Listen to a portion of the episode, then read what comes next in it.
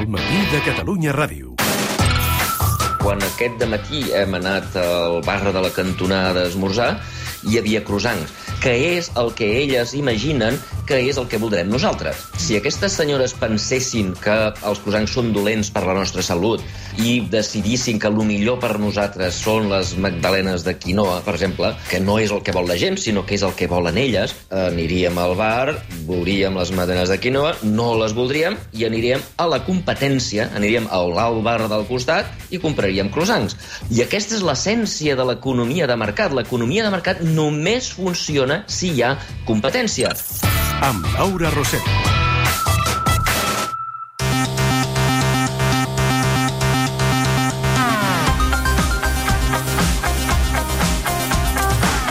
19 minuts i seran les 11 del matí i anem a fer ara precisament això que sentíem, eh? a parlar d'economia, no sé si estrictament de croissants i de madalenes, però segur sí d'economia. Xavier Sala Martín, bon dia.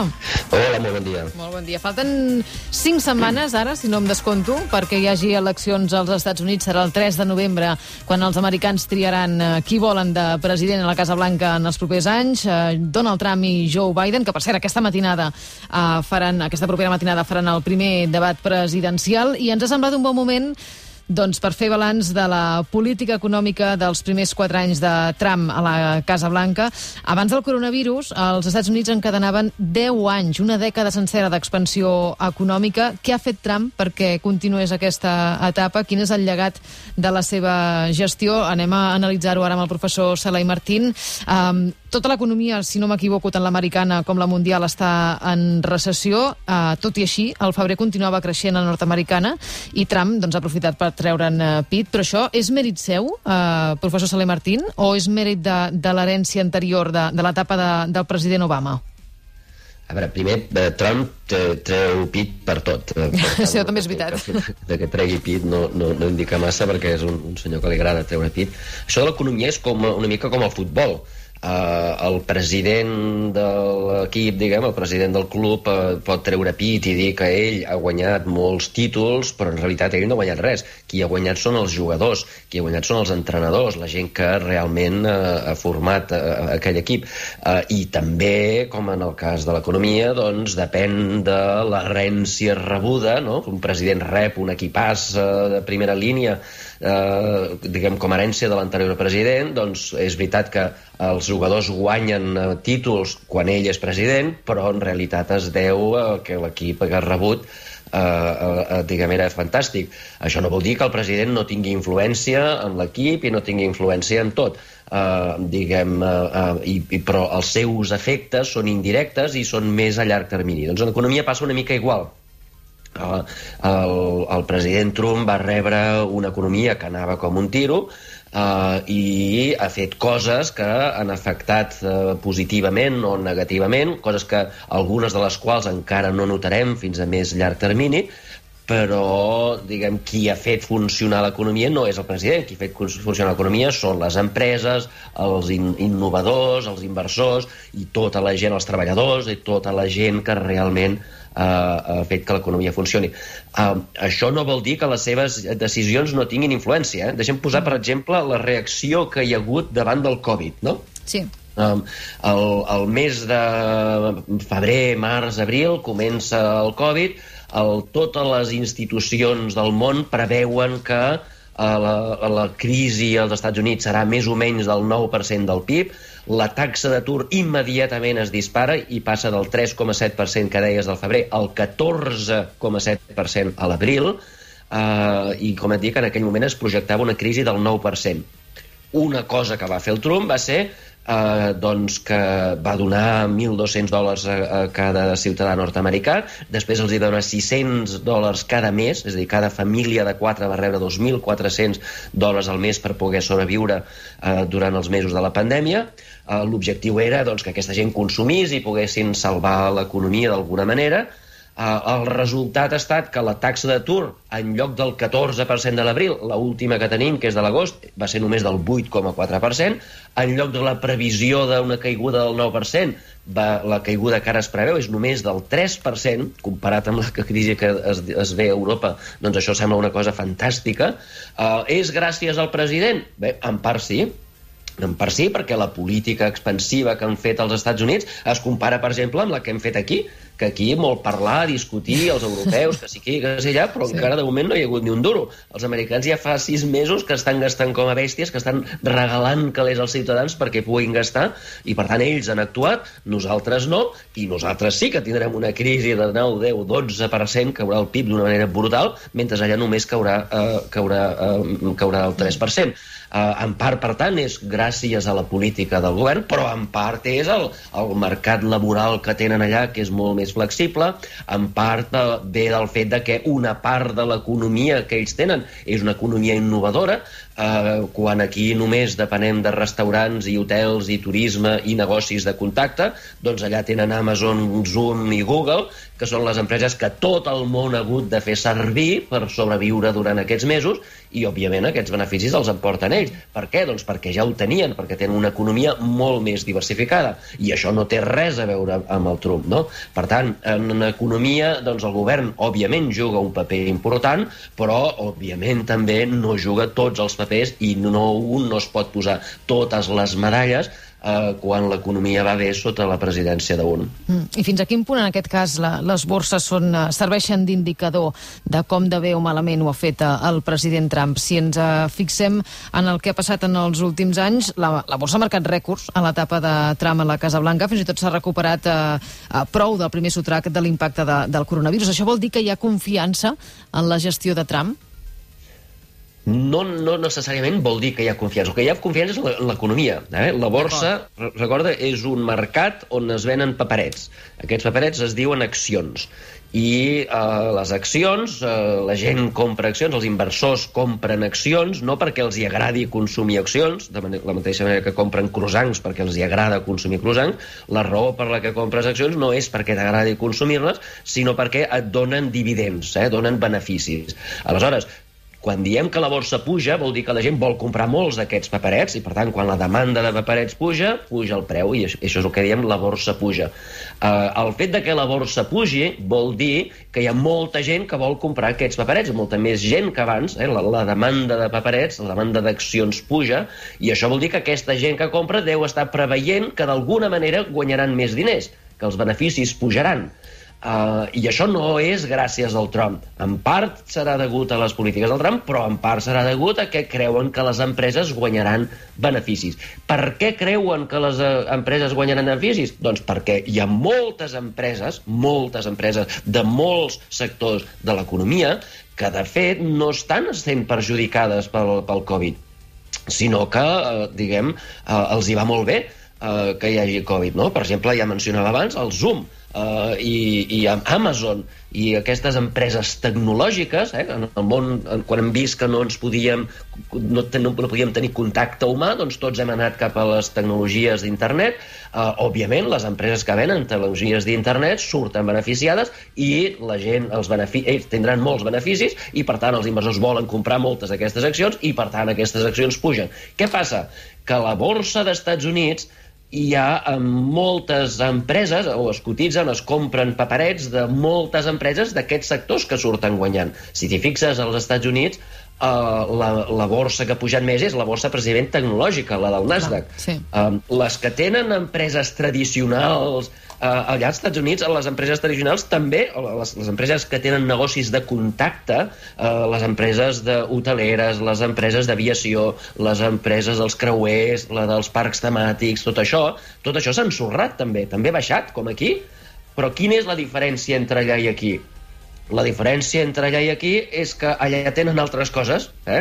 Uh, allà, a, a banda de tenir empreses hoteleres i empreses de, de, de, de negocis de contacte, doncs tenen tota una constel·lació de negocis, tenen una economia diversificada i com que aquesta economia es preveu que segueixi anant bé, doncs escolta'm, la borsa de mitjana puja. Mm. Però si mires, no la mitjana, si mires, mires diferents empreses, les empreses de contacte, com les d'aquí, eh, estan sent perjudicades d'una manera brutal. Què passa? Que Espanya, per exemple, que és un país que depèn crucialment d'aquests negocis de contacte, eh, doncs s'estan ensorrant. Per què? Perquè no hi ha res més És a dir, si tot el sector de restauració eh, no obre perquè la gent té por d'anar al restaurant o perquè el govern no els deixa obrir o pel que sigui, doncs què passa? Que tots els treballadors doncs, deixen de cobrar o, o cobren molt menys i per tant deixen de consumir coses i totes les empreses que els hi venen coses a aquesta gent també hi perden. Per exemple, Telefònica eh, Telefònica no està en el sector de contacte, però com que ven serveis a la gent dels restaurants espanyols i com que tota l'economia depèn del restaurant, doncs Telefònica baixa en picat, o Sara, o la Caixa, m'entens? I com que totes aquestes empreses, bàsicament, en el fons, depenen del turisme o dels negocis de contacte, doncs aquí s'ensorra tot.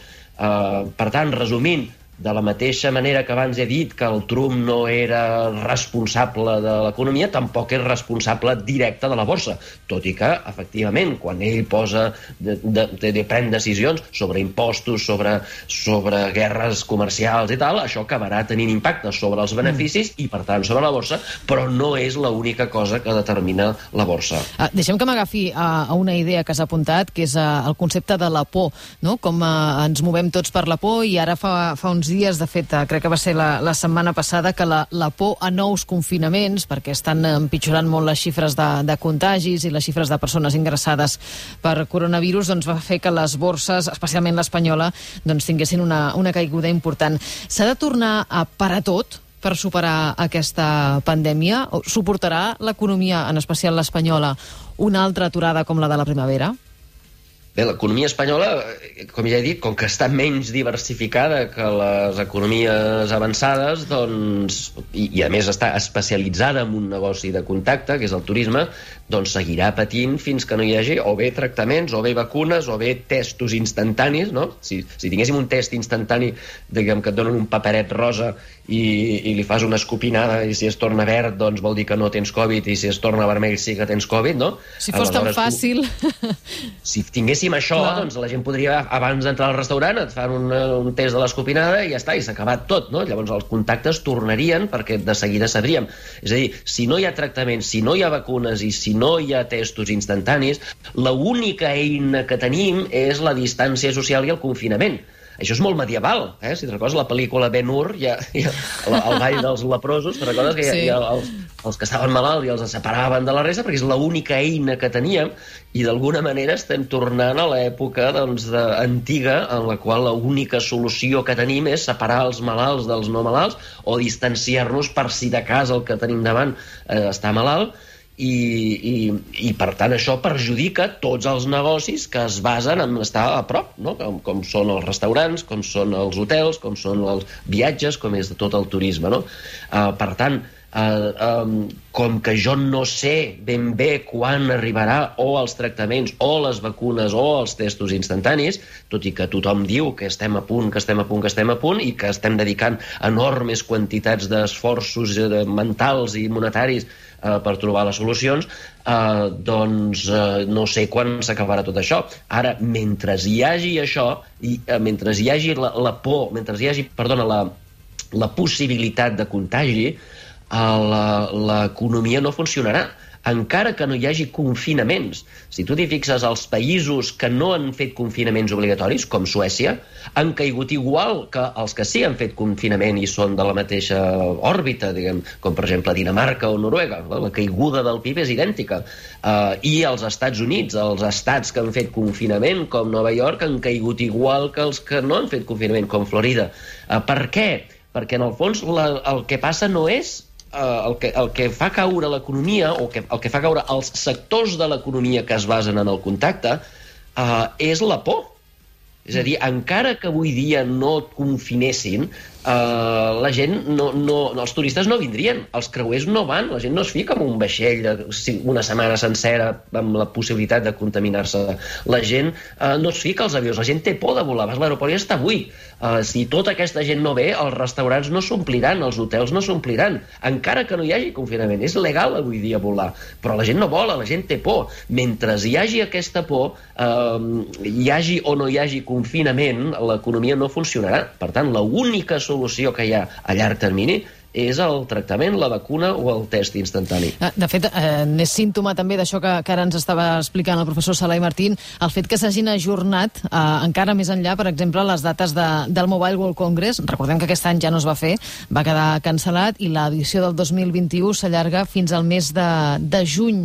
I també que s'hagin suspe, eh, suspès doncs, eh, eh, pro programes com ara eh, els viatges de l'Imserso, en aquest cas fins a l'octubre del 2021. Eh, aquests temes són, eh, ens poden servir de termòmetre, eh, professor, de, de precisament a com està costant normalitzar l'economia?